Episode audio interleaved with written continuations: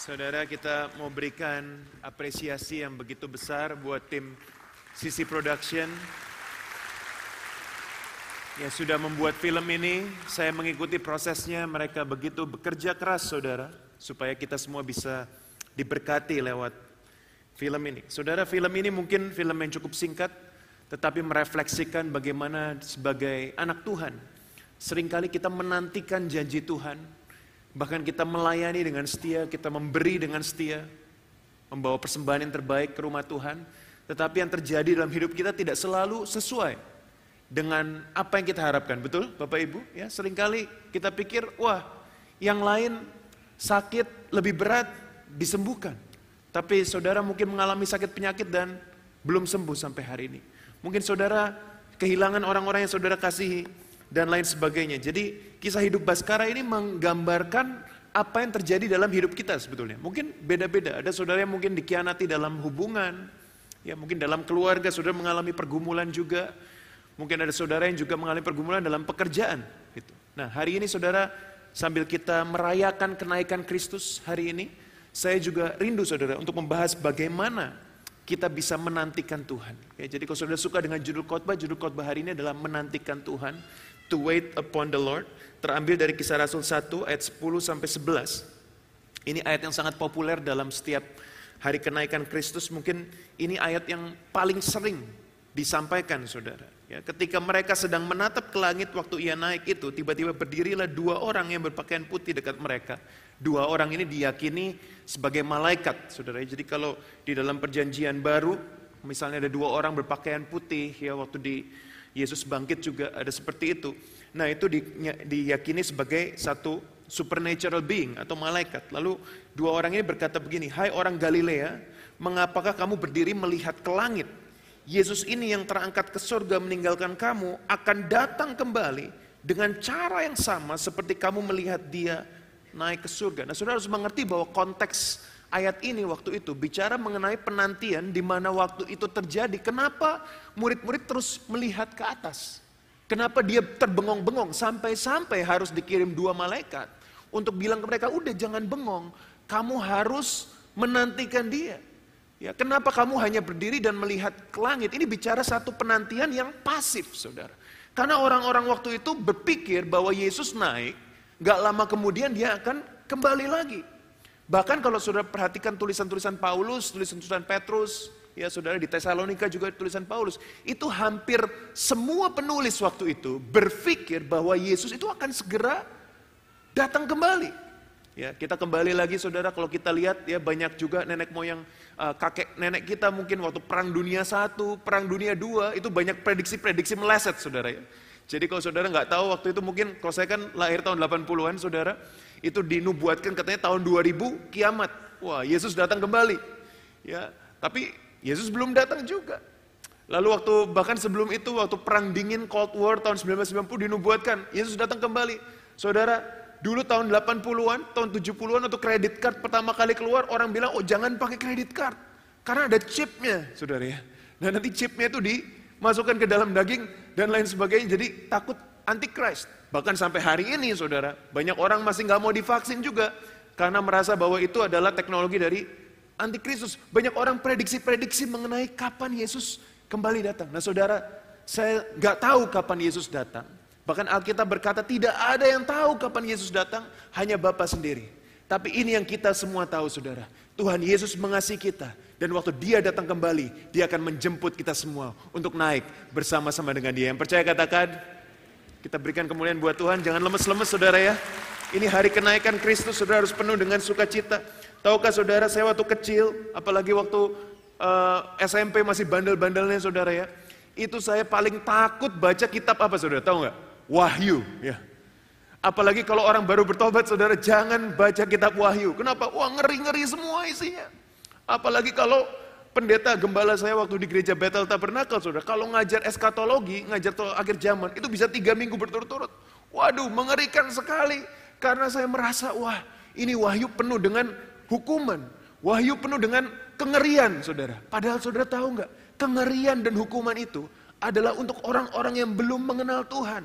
Buat saudara dan saya yang di dalam kasih karunia Tuhan. Kita tahu bersama, Yesus yang naik 2000 tahun yang lalu, waktu dia datang, kita tidak akan tertinggal di bumi. Kita akan naik bersama-sama dengan dia. Yang percaya sekali kita berikan kemuliaan buat Tuhan, amin. Jadi jangan takut baca kitab Wahyu, karena Wahyu itu bicara soal apa?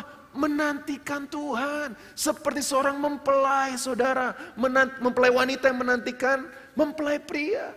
Ya kebalikan saudara ya, zaman dulu di, di, di ilustrasikan mempelai wanita menantikan mempelai pria. Kalau sekarang kan mempelai pria masuk duluan di gereja ya biasanya ya, mempelai wanita yang masuk. Anyway, ini bicara soal penantian. Nah saudara, bagaimana kita bisa menantikan Tuhan dengan mendapatkan kekuatan baru? Inilah poin-poin saya pada hari ini. Saudara mari kita lihat dulu ini ada percakapan yang tidak nyambung sebetulnya.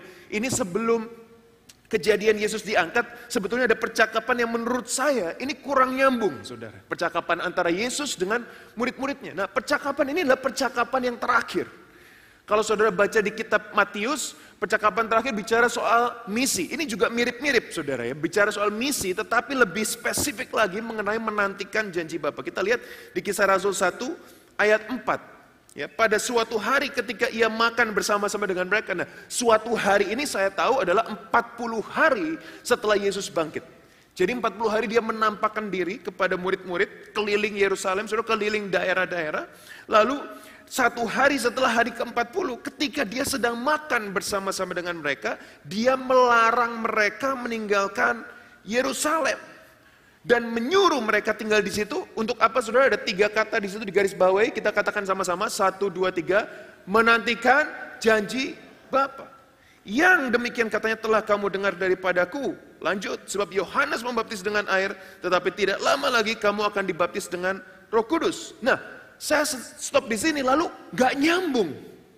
Karena Yesus bicara mengenai Roh Kudus, bicara mengenai menantikan janji Bapa, lalu murid-murid malah tanya begini, maka bertanyalah yang berkumpul di situ, Tuhan maukah engkau pada masa ini memulihkan kerajaan bagi Israel? Lalu Yesus berkata di ayat ketujuh, karena pertanyaannya nggak nyambung. Yang dijanjikan adalah roh kudus, Yesus bicara soal baptisan roh kudus, murid-murid bicara mengenai pemulihan kerajaan. Kenapa pemulihan kerajaan sangat penting? Saudara tahu bangsa Israel itu nggak kalah dengan bangsa Indonesia. Dijajah ratusan tahun. Kita dijajah di tahun 1511. Portugis, Inggris, Belanda, Jepang. Saudara ya. Saya heran kita dijajah Belanda selama 300 tahun, tapi sepak bola kita nggak seperti Belanda, saudara ya. Cuma kalau saudara tahu di, di Belanda, di Belgia itu banyak darah-darah Indonesia yang sudah menjadi pemain profesional. Ya, Raja Nainggolan salah satunya, itu pemain Belgia. Nah saudara saya lanjut lagi di sini. Ini pertanyaan sangat gak nyambung. Lalu ditangkis lagi sama Yesus.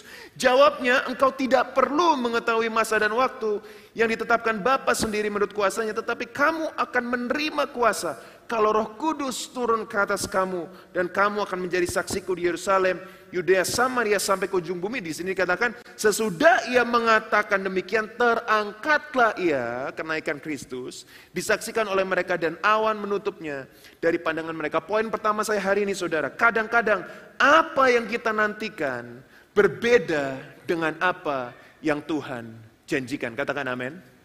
Ya.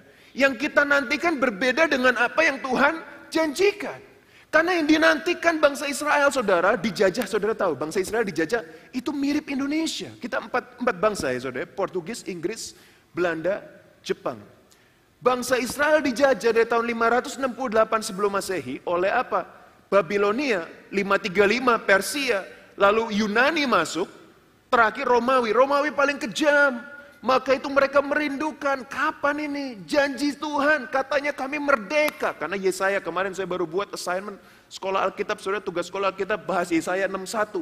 11 ayat 3000 kata, saudara eksegesis sangat dalam sekali. Di situ ada janji-janji pembebasan, janji-janji keselamatan. Waktu janji diberikan, bangsa Israel berpikir, oh ini pasti mengenai merdeka.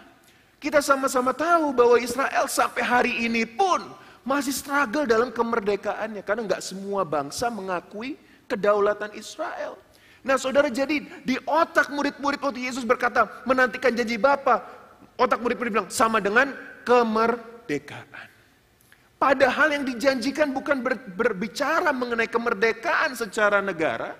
Yang Yesus janjikan adalah kemerdekaan secara spiritual. Bahwa roh kudus akan dicurahkan. Saudara, kadang apa yang kita nantikan berbeda dengan apa yang Tuhan janjikan. Waktu Tuhan bicara buat saya, saya dalam kondisi yang sangat stres saudara. Karena anak saya, Xavier, waktu umur 2 tahun tidak ada progres. Sampai umur 3 dia belum bisa bicara. Lalu Tuhan bicara buat saya, Riza, uh, I love your family. Xavier itu punya saya, kata Tuhan. Dan masa depan Xavier ada di tangan Tuhan. Lalu saya menginterpretasikan, oh janji ini berarti Tuhan janji bahwa Xavier akan sembuh segera. Ya, ya mohon ibu-ibu, bapak-bapak kalau ada anak-anak yang agak sedikit aktif, bisa tolong dibantu uh, Bapak Ibu ya. Jadi hari Minggu lalu jam 11 saya merangkap jadi babysitter di sini saudara. Ya, terima kasih supaya kita bisa beribadah dengan baik. Kita berikan kemuliaan buat Tuhan. Amin saudara ya. Nah saudara, hari ini saya mau membahas tentang apa yang Tuhan janjikan buat kita. Jangan-jangan kita misinterpretasi. Karena waktu Tuhan bilang buat saya, Zevi milik saya. Saya mengasihi Zevi. Saya tiba-tiba menginterpretasikan, oh berarti Zevi akan sembuh. Autism akan sembuh dalam waktu satu tahun. Umur empat tidak ada kemajuan. Umur lima sedikit kemajuan. Ternyata janji Tuhan memang ya dan amin. Tetapi waktu Tuhan kita tidak tahu amin. Janji Tuhan ya dan amin. Saya mau bilang buat saudara. Janji Tuhan seperti fajar pagi hari. Tidak pernah terlambat bersinar. Yang percaya katakan amin. Ya. Itu ya dan amin. Kalau dia berjanji tidak ada yang bisa membatalkan kecuali kita sendiri. Kalau kita membatalkannya dengan tidak percaya lagi, maka janji batal. Maka itu prinsip covenant sangat penting. Janji Tuhan ya dan amin. Tetapi ada dua hal. Yang pertama, kadang yang kita nantikan beda dengan janji Tuhan. Dan yang kedua, timingnya kita nggak tahu. Maka itu Yesus berkata, kamu tidak perlu mengetahui tentang masa dan waktu. Saudara cukup tahu bahwa janji Tuhan ya dan amin. Waktu Tuhan, biar Tuhan yang menentukan. Jangan kita melangkahi Tuhan seperti Abraham. Belum waktunya mendapatkan pengenapan janji Tuhan. Istrinya punya ide bagus, good idea. Ya, udah kamu kawinin aja pembantuku ini. Ya, lalu dapat anak yang pertama. Kenapa melangkahi Tuhan? Coba waktu itu Abraham tidak melangkahi Tuhan, maka penggenapan janji yang sempurna akan terjadi. Saudara kalau mau merindukan penggenapan janji Tuhan, mari hari ini kita buat komitmen, jangan melangkahi Tuhan. Apa yang kita nantikan kadang berbeda dengan apa yang Tuhan janjikan. Mari kita lihat. Dikatakan di sini, oh langsung aja ke yang slide berikutnya ya. Yang kita nantikan adalah berkatnya yang Tuhan janjikan adalah apa? Hadiratnya. Nah coba saudara lihat, perhatikan baik-baik. Yesaya 60, eh Yesaya 40 ayat 30 sampai 31. Ini di slide sebelumnya. Nah kalau tadi di kisah Rasul dikatakan menantikan janji Tuhan. Wah jemaat Tuhan begitu dengar menantikan janji Tuhan, itu langsung mikirnya rumah baru, haleluya ya. Mobil lebih besar, cuan lebih gede, Ya, berkat lebih banyak melimpah. Yang single-single masih jomblo, belum punya pasangan. Wah, janji Tuhan. Ya dan amin, pasangan hidup. Padahal konteksnya apa? Roh Kudus, Saudara. Bicara mengenai hadirat Tuhan. Tapi saya yakin begini, kalau kita kejar berkat Tuhan, belum tentu kita dapat. Tapi kalau kita kejar hadirat Tuhan, di mana hadirat Tuhan ada, di situ berkat melimpah.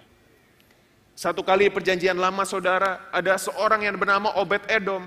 Ba, apa tabut Allah itu di, di, dipercayakan di rumah dia saudara selama bertahun-tahun karena si Daud stres. Dia mau pindahin ke ke Yerusalem tapi mati si Uza mati di tengah jalan ada kecelakaan dia stres. Udahlah nginep dulu di Obed Edom. Saudara tahu di mana hadirat Allah di Obed Edom? Rumah Obed Edom diberkati dengan begitu melimpah. Saudara mau diberkati? Jangan kejar berkat kejar hadirat Tuhan yang percaya. Katakan amin. Kalau di kisah Rasul dikatakan menantikan janji Bapa, ya saya lebih spesifik berkata, lihat saudara ya. Orang-orang muda menjadi lelah dan lesu dan teruna-teruna jatuh tersandung. Tetapi orang-orang yang menanti-nantikan apa? Siapa? Tuhan. Saya mau tanya saudara, yang dinantikan berkat Tuhan atau Tuhan? Tuhan, itu kata Tuhan kenapa dalam bahasa Indonesia saudara lihat kok Tuhannya besar semua, T-U-H-A-N semua besar. Tahu nggak kenapa? Karena transliteration dalam bahasa Ibrani-nya kalau T-nya gede semua, Tuhannya besar semua. Itu bukan Adonai, itu kata-katanya Yahweh saudara. Dia sendiri yang harusnya kita nantikan akan mendapatkan kekuatan baru. Sumpah Raja Wali naik terbang dengan kekuatan sayapnya, berlari nggak mungkin lesu Berjalan nggak mungkin lelah. Nggak pernah saudara lihat Raja Wali lagi terbang tiba-tiba kecapean pingsan saudara. Ya, kalau yang kecapean pingsan jadi kentaki itu ayam saudara. Ya. Tidak ada Raja Wali fried chicken, nggak ada. Kenapa? Karena orang-orang yang menanti-nantikan Tuhan, kavah namanya, to wait or look eagerly for God.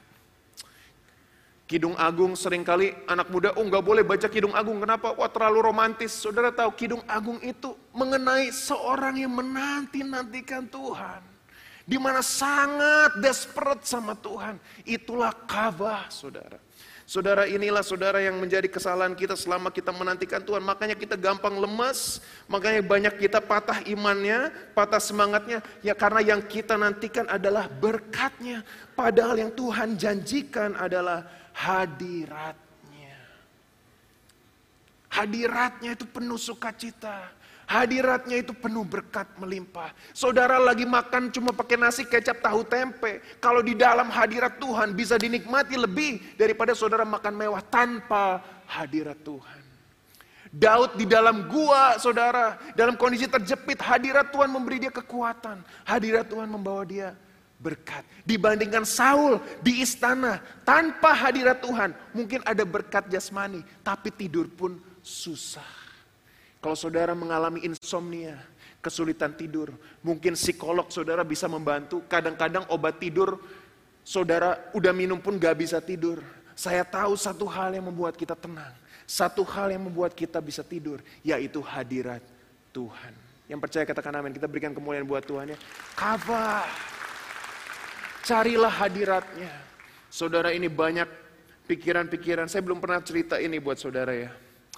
Waktu kami rindu merindukan anak yang ketiga saudara.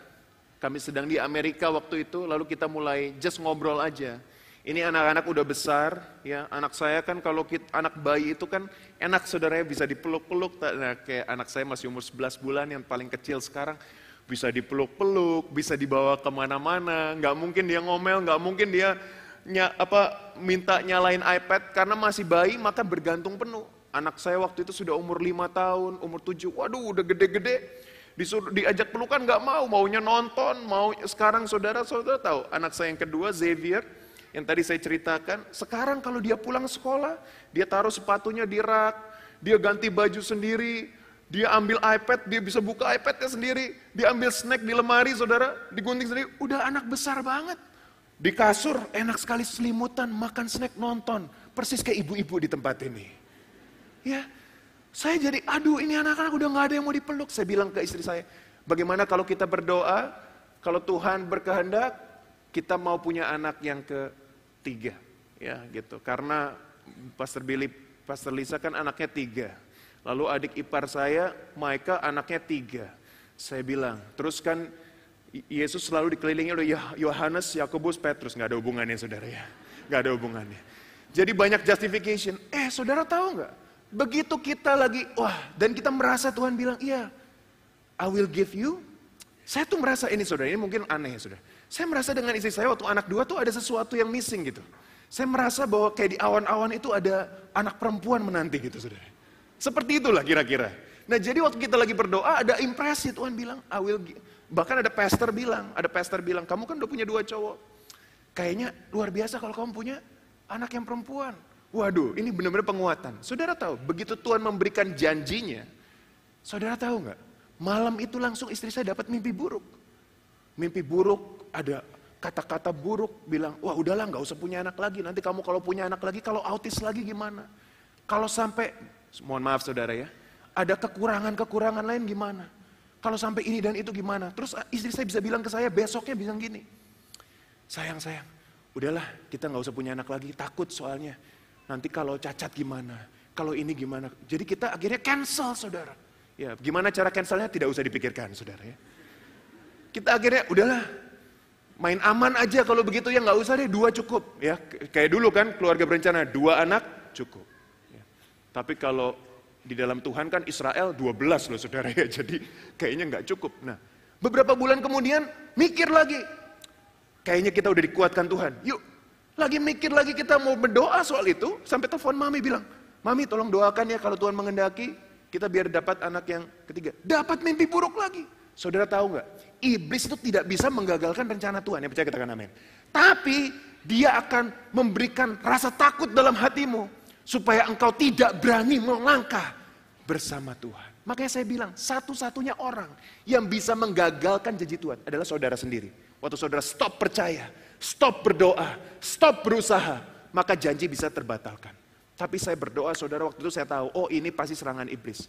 Saudara saya langsung mengejar hadirat Tuhan. Kita berdoa saudara satu keluarga. Oh sekarang anak saya yang besar, kalau lagi berdoa tiba-tiba dia kan tahu saya suka bahasa roh saudara ya. Dia suka ngomong gini, Daddy use spiritual language. Apa itu spiritual language? I can only do English, Indonesian, and Jawa saudara ya. Dia bilang spiritual language, yang mana spiritual language? Yang itu, kira baraba itu loh. Ya udahlah, saya keluarkan bahasa roh kita di dalam hadirat Tuhan. Di situ ada damai sejahtera. Dan Tuhan bilang begini, ingatkan kepada saya, saudara ini ayat pegangan saya. Kalau saudara lagi takut, saudara lagi menunggu, menantikan janji Tuhan. Saudara ingat kata-kata ini. Sesungguhnya masa depan sungguh ada dan harapanmu tidak akan hilang saudara. Amin. Ya. Itu saking kan terlalu intimidasi. Begitu anak lahir, Istri saya bukannya pertama kali bilang, haleluya, puji Tuhan, amin. Anak lahir, saudara, istri saya selalu bilang, langsung bilang, coba tolong cek jarinya. Lima. Kakinya lima. Terus bilang, mohon maaf saudara ya. Karena anak istri saya perfeksionis. Satu jerawat aja dia pusing saudara. Ditanya, ada tanda lahir nggak? Ada tompel nggak gitu? Nggak ada, mulus saya bilang. Jari lima, iya lima. Kaki lima juga, kaki nggak lima, kakinya dua. Jari kaki lima. Ya, sepuluh ya. Akhirnya, akhirnya setelah setelah kita dapat anak ini sudah 11 bulan, luar biasa wonderful. Kita tahu satu hal, semua pikiran-pikiran buruk, semua negative thinking itu bukan dari Tuhan, itu dari kegelapan. Karena dari Tuhan itu pasti baik, pasti berkenan, pasti sempurna, pasti luar biasa. Jadi saudara hari ini, mari saudara cari hadirat Tuhan. Kalau saudara menantikan janji Tuhan di dalam hadirat Tuhan, saudara pasti mendapatkan kekuatan baru. Dengan cepat saudara, Yohanes berkata, tinggallah dalam aku dan aku di dalam kamu. Sama seperti ranting tidak dapat berbuah dari dirinya sendiri kalau dia tidak tinggal pada pokok anggur. Demikian juga kamu tidak berbuah jikalau kamu tidak tinggal di dalam aku. Saudara gimana mendapat kekuatan dalam penantian? Tinggallah di dalam Tuhan. Saudara saya mau encourage jemaat Tuhan By the way saudara saya bersyukur kepada Tuhan. Ini kita tambahin kursi-kursi. Saudara tahu, saudara saya lupa tadi bilang, tadi worship leader juga mungkin belum mengingatkan. Tahu nggak saudara? Ini hari ini kita merayakan bukan hanya hari kenaikan Kristus. Tapi kita merayakan satu tahun kita beribadah di main sanctuary yang baru saudara. Ya, Tuhan sudah berikan ruangan ini buat saudara. Tuhan berikan ruangan-ruangan relay bahkan saudara. Sekolah minggu yang begitu besar, yang begitu luar biasa. Jangan sampai saudara malas beribadah. Firman Tuhan justru berkata, janganlah menjauhkan diri dari pertemuan-pertemuan ibadah seperti ini dibiasakan banyak orang. Tetapi apa saudara, marilah kita saling menasihati dan semakin giat melakukannya. Menjelang hari Tuhan yang mendekat. Saudara kalau mau menantikan Tuhan, mendapat kekuatan baru, jangan jauhi persekutuan dengan Tuhan. Banyak orang ya seperti Baskara, Baskoro, Baskara, Baskoro, Baskoro, Baskoro. Ditelepon temannya, kamu ke mana aja Bas? Didatengin, kamu ke mana aja? Kok udah lama gak ke gereja? Iya saya gak ke gereja karena saya sedang lemah. Saya sedang takut. Saya sedang ragu. Maka saya gak ke gereja. Banyak sekali orang-orang saudara. Waktu mereka sedang ragu menantikan janji Tuhan. Mungkin apa yang mereka mau tidak tersampaikan. Maka mereka malah menjauh dari Tuhan. Saya mau bilang buat saudara, justru waktu kita lemah, waktu kita ragu, waktu kita merasa jauh, itulah waktu yang paling penting untuk kita semakin mendekat kepada Tuhan. Saudara, firman Tuhan berkata semakin giatlah melakukannya. Saya mau encourage Bapak Ibu, ini kita ada doa uh, 10 hari Pantekosta. Dan kita kalau doa 10 hari Pantai Costa, itu cuma satu jam. Waktu saya di gereja lain, saya nggak sebut denominasinya, itu doa semalam suntuk loh saudara. Semalam malaman, sampai saya sudah nggak tahu lagi bedanya doa dengan mimpi. Mimpi dengan penglihatan. Penglihatan apa yang kamu dapat? Saya bilang, saya lihat nasi goreng dengan telur mata sapi jam 11 malam. Ya. Saudara, worship dan fellowship sangat penting menjelang kedatangan Tuhan. Tahukah saudara, next slide. Waktu mereka sedang menantikan roh kudus, saudara, murid-murid berkumpul di loteng Yerusalem. Dan mereka apa? Bertekun dengan sehati dengan doa bersama-sama. Saudara kalau menantikan janji Tuhan, jangan sendirian. Harus menantikan bersama-sama dengan saudara seiman. Supaya kita juga bisa saling menguatkan. Nah saudara saya mau encourage saudara semua untuk bisa melayani Tuhan. Seperti disampaikan tadi oleh Bu Evi dan juga di video yang kita tayangkan, I Love My Church, kita sedang membuka kesempatan buat saudara bisa melayani Tuhan. Kenapa saudara? Ini yang saya yakini. Waktu saudara melayani Tuhan, bersekutu, berfellowship dengan teman-teman semua, saudara akan mendapatkan kekuatan yang baru. Justru saudara, kekuatan baru didapatkan bukan waktu menonton atau duduk saja, tapi kekuatan baru didapatkan justru juga bukan waktu kita mendengar firman Tuhan saja, kekuatan baru kita dapatkan waktu kita mempraktekkan firman Tuhan. Nah, bagaimana kita mempraktikkan firman Tuhan? Dengan mengasihi gerejanya, dengan melayani. Tahukah saudara bahwa kemarin hari Minggu pertama kali kita buka Aleph My Church kembali kampanye ini, saudara tahu, sudah lebih dari 180 orang mendaftarkan pelayanan di gereja ini, saudara. Puji nama Tuhan. Ternyata jemaat ini adalah jemaat yang meresponi kepada firman Tuhan dan kami masih membuka kesempatan seminggu ke depan, dua minggu ke depan. Saudara, kalau saudara rindu melayani, menantikan janji Tuhan, melayani Tuhan saudara.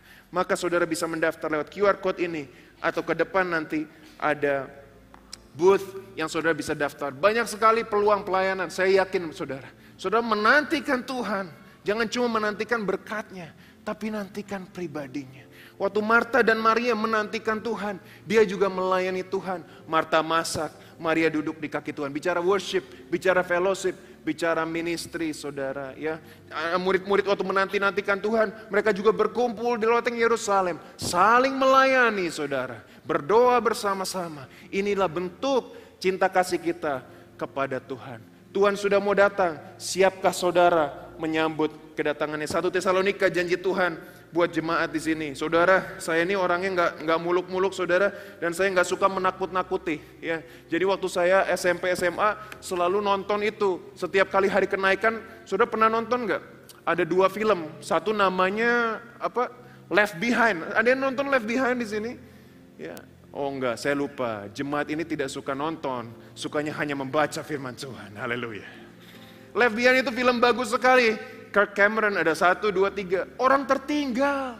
Tapi nggak ada yang ngalahin versi Indonesia-nya. Waduh, saya nonton Left Behind, tidur masih nyaman. Nontonnya versi Indonesia kan penganiayaan apa. Waduh, saya tuh nggak bisa tidur berhari-hari. Lagi altar call, saya sembunyi di bawah meja, saudara. Pendeta tanya, kenapa kamu sembunyi di bawah meja? Saya takut nggak keangkat, Pak. Kalau saya nggak keangkat, ketemu antikristus. Ya ditakut-takuti. Saya nggak mau nakut-nakuti saudara. Harusnya kita menyambut Tuhan dengan bukan dengan rasa takut, tapi dengan penantian yang penuh sukacita. Amin saudara. Tuhan berkata, sebab pada waktu tanda diberi, yaitu pada waktu penghulu malaikat berseru dan sangkakala Allah berbunyi, maka Tuhan sendiri akan turun dari surga dan ada dua hal yang terjadi saudara.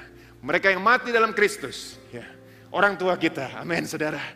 Opa oma kita, mereka akan lebih dahulu bangkit. Lalu, lanjut, lanjut.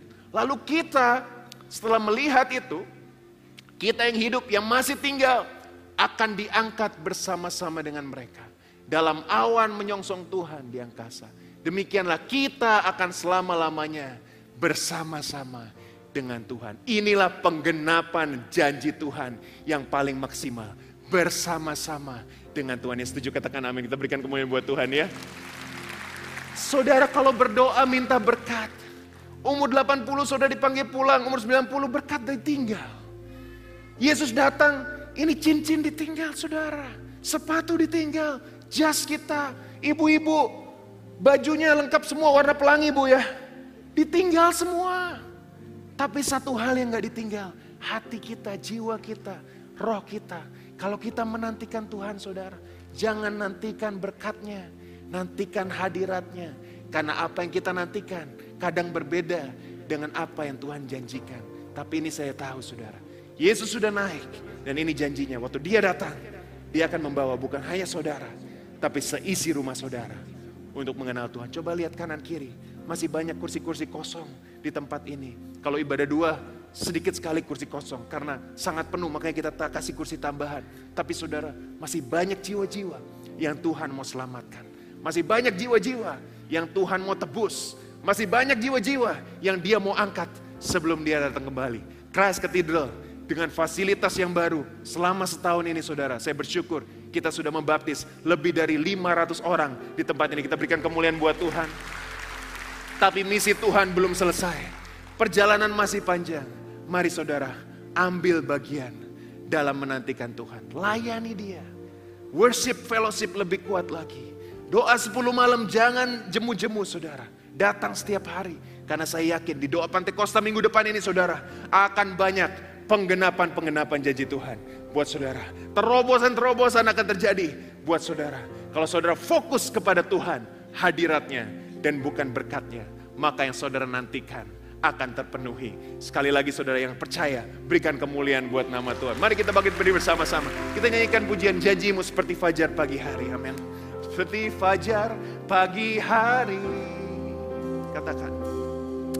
Yang tiada pernah terlambat bersinar.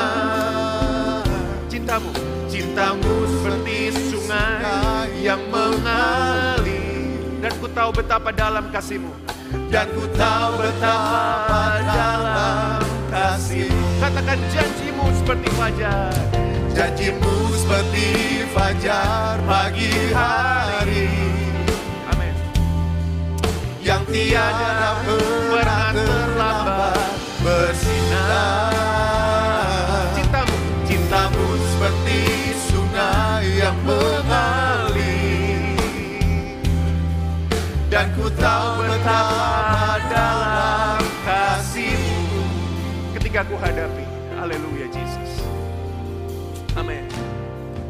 Ketika ku hadapi kehidupan ini Jalan mana yang harus kupilih?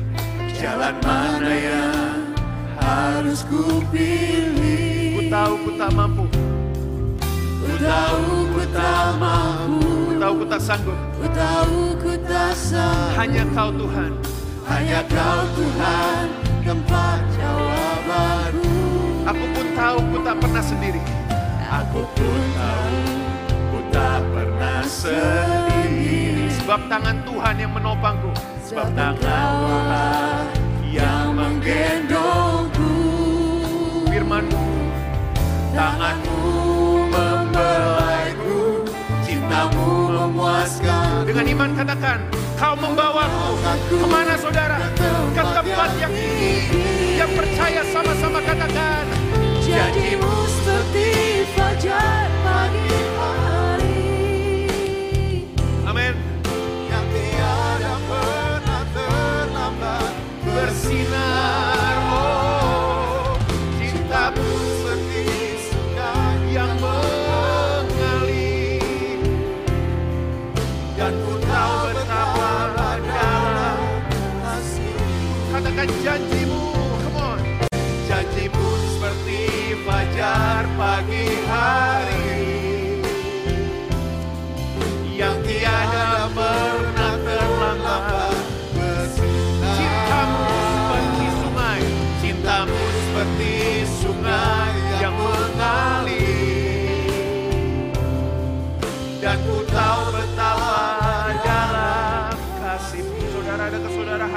mengalami seperti film yang kita nonton tadi, saudara. Di mana saudara mungkin merasa saudara sudah beri semuanya buat Tuhan. Saudara bahkan sudah mengiring Tuhan cukup lama. Atau ada saudara di sini yang belum pernah mengiring Tuhan sama sekali. Saudara bahkan belum percaya pada Tuhan. Dan hari ini saudara katakan, aku mau percaya kembali pada Tuhan. Aku mau percaya kepada Tuhan. Aku mau mengejar hadirat Tuhan. Bukan berkatnya aku kejar. Tapi hadiratnya aku kejar. Kalau itu saudara, saya memberikan ke saudara kesempatan untuk menerima Yesus sebagai Tuhan dan Juru Selamat dalam hidup saudara. Kristus berjanji dia nggak cuma naik saudara. Dia akan datang kembali. Dia akan mengangkat kita bersama-sama dengan dia. Tapi kalau saudara mau diangkat bersama dengan dia, saudara perlu ada Yesus dalam hatimu. Kalau saudara tidak yakin bahwa Yesus dalam hatimu, mari di hari kenaikan Kristus ini kita yakinkan bahwa Yesus ada dalam hatimu. Bahwa engkau pulang tidak sendiri, tapi bersama dengan Yesus di dalam hatimu. Saya mau berikan kesempatan buat saudara yang mau menerima Yesus, angkat tangan di tempat hitungan ketiga. Dan saya akan berdoa buat saudara. Tidak perlu maju ke depan saudara, semua mata terpejam. Di tempat ini maupun online, saya akan hitung sampai tiga. Kalau saudara tidak yakin bahwa Yesus ada dalam hatimu, mari angkat tangan hitungan ketiga. Dan kita akan berdoa bersama-sama. Saudara siap satu, Tuhan Yesus mengasihimu. Dua, dia mati bagimu. Dia bangkit bagimu dan dia naik bagimu supaya engkau beroleh hidup yang kekal. Supaya waktu sangka kala berbunyi, engkau diangkat bersama-sama dengan dia. Kalau engkau mau menerima Yesus sebagai Tuhan dan Juru Selamat, mari angkat tangan sekarang juga. Satu, dua, tiga, lebih tinggi lagi. Terima kasih, God bless you. Lebih tinggi, Tuhan berkati. God bless you. Lebih tinggi lagi, online maupun onsite. Lebih tinggi, saya tunggu. Terima kasih, God bless you. God bless you, God bless you. Sebagian di sebelah kanan atas, di bawah, thank you Jesus. Terima kasih. Ada lagi, saudara. Puji Tuhan, puji Tuhan. Terus angkat tangan saudara, terus angkat tangan saudara. Saya yakin Yesus, Roh Kudus sedang bekerja di tempat ini. Mari saudara sudah mengangkat tangan. Saudara berdoa bersama dengan saya, Kateo bantu saya berdoa. Ucapkan doa ini bersama dengan saya. Tuhan Yesus, Tuhan Yesus hari ini, hari ini aku menerima Engkau aku menerima Engkau sebagai Tuhan sebagai Tuhan dan Juru Selamat dan Juru Selamat dalam hidupku. dalam hidupku. Jadilah Raja Jadilah Raja atas hidupku. atas hidupku. Hidupku tidak sama lagi Hidupku sama lagi karena Tuhan Yesus ada karena dalamku. Tuhan Yesus ada dalamku. Selamanya kau Tuhanku, Selamanya Kau Tuhan, selamanya kau Raja. selamanya Kau Raja. Di dalam nama Yesus, dalam nama Yesus. aku berdoa. Aku berdoa. Turunkan tangan saudara kita berikan kemuliaan buat Tuhan. Haleluya. Kalau saudara baru menerima Yesus sebagai Tuhan dan Juru Selamat, gereja menyediakan resources untuk membantu saudara bertumbuh dalam pengenalan akan Tuhan. Ambil buku ini di information counter, daftaran diri saudara baptisan air di minggu depan saudara. Jangan lewatkan kesempatan ini, karena Yesus datang bukan menyelamatkan sebagian orang. Dia datang untuk menyelamatkan semua orang yang percaya kepada yang percaya kita berikan kemuliaan buat Tuhan sekali lagi. Amin. Mari saudara sebelum kita pulang, kita mau angkat tangan di hadapan Tuhan. Saya berdoa secara khusus buat saudara pada hari ini. Saya merasa waktu saya berkhotbah saudara, banyak saudara menantikan janji Tuhan. Tapi apa yang kita nantikan kadang berbeda dengan apa yang Tuhan janjikan. Doa saya buat saudara siang ini, pagi ini. Biarlah saudara semakin selaras dengan kehendak Tuhan.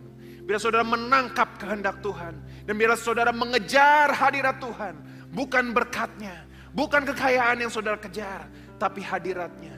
Dan biarlah waktu saudara menantikan Tuhan, saudara tetap bertekun di dalam worship dan fellowship di dalam ibadah dan biar saudara bisa melayani Tuhan seumur hidup saudara sampai saudara menantikan kedatangannya yang kedua kali. Kira yang berkat rahmat dari Allah Bapa, kasih karunia Putra Tunggal Allah Tuhan Yesus Kristus dan persekutuan daripada Roh yang Kudus menyertai kehidupan saudara semua. Mulai hari ini sampai Yesus datang yang kedua kali Maranatha sangka kala berbunyi, saudara dan saya kita semua akan diangkat bersama-sama dengan orang-orang kudus pesta kawin anak domba bersama Yesus Kristus di langit yang mulia. Di dalam nama Tuhan Yesus Kristus. Yang percaya dan menantikan Tuhan akan mendapat kekuatan baru. Sama-sama katakan, amin. God bless you. Sampai ketemu hari Minggu. Tuhan berkati.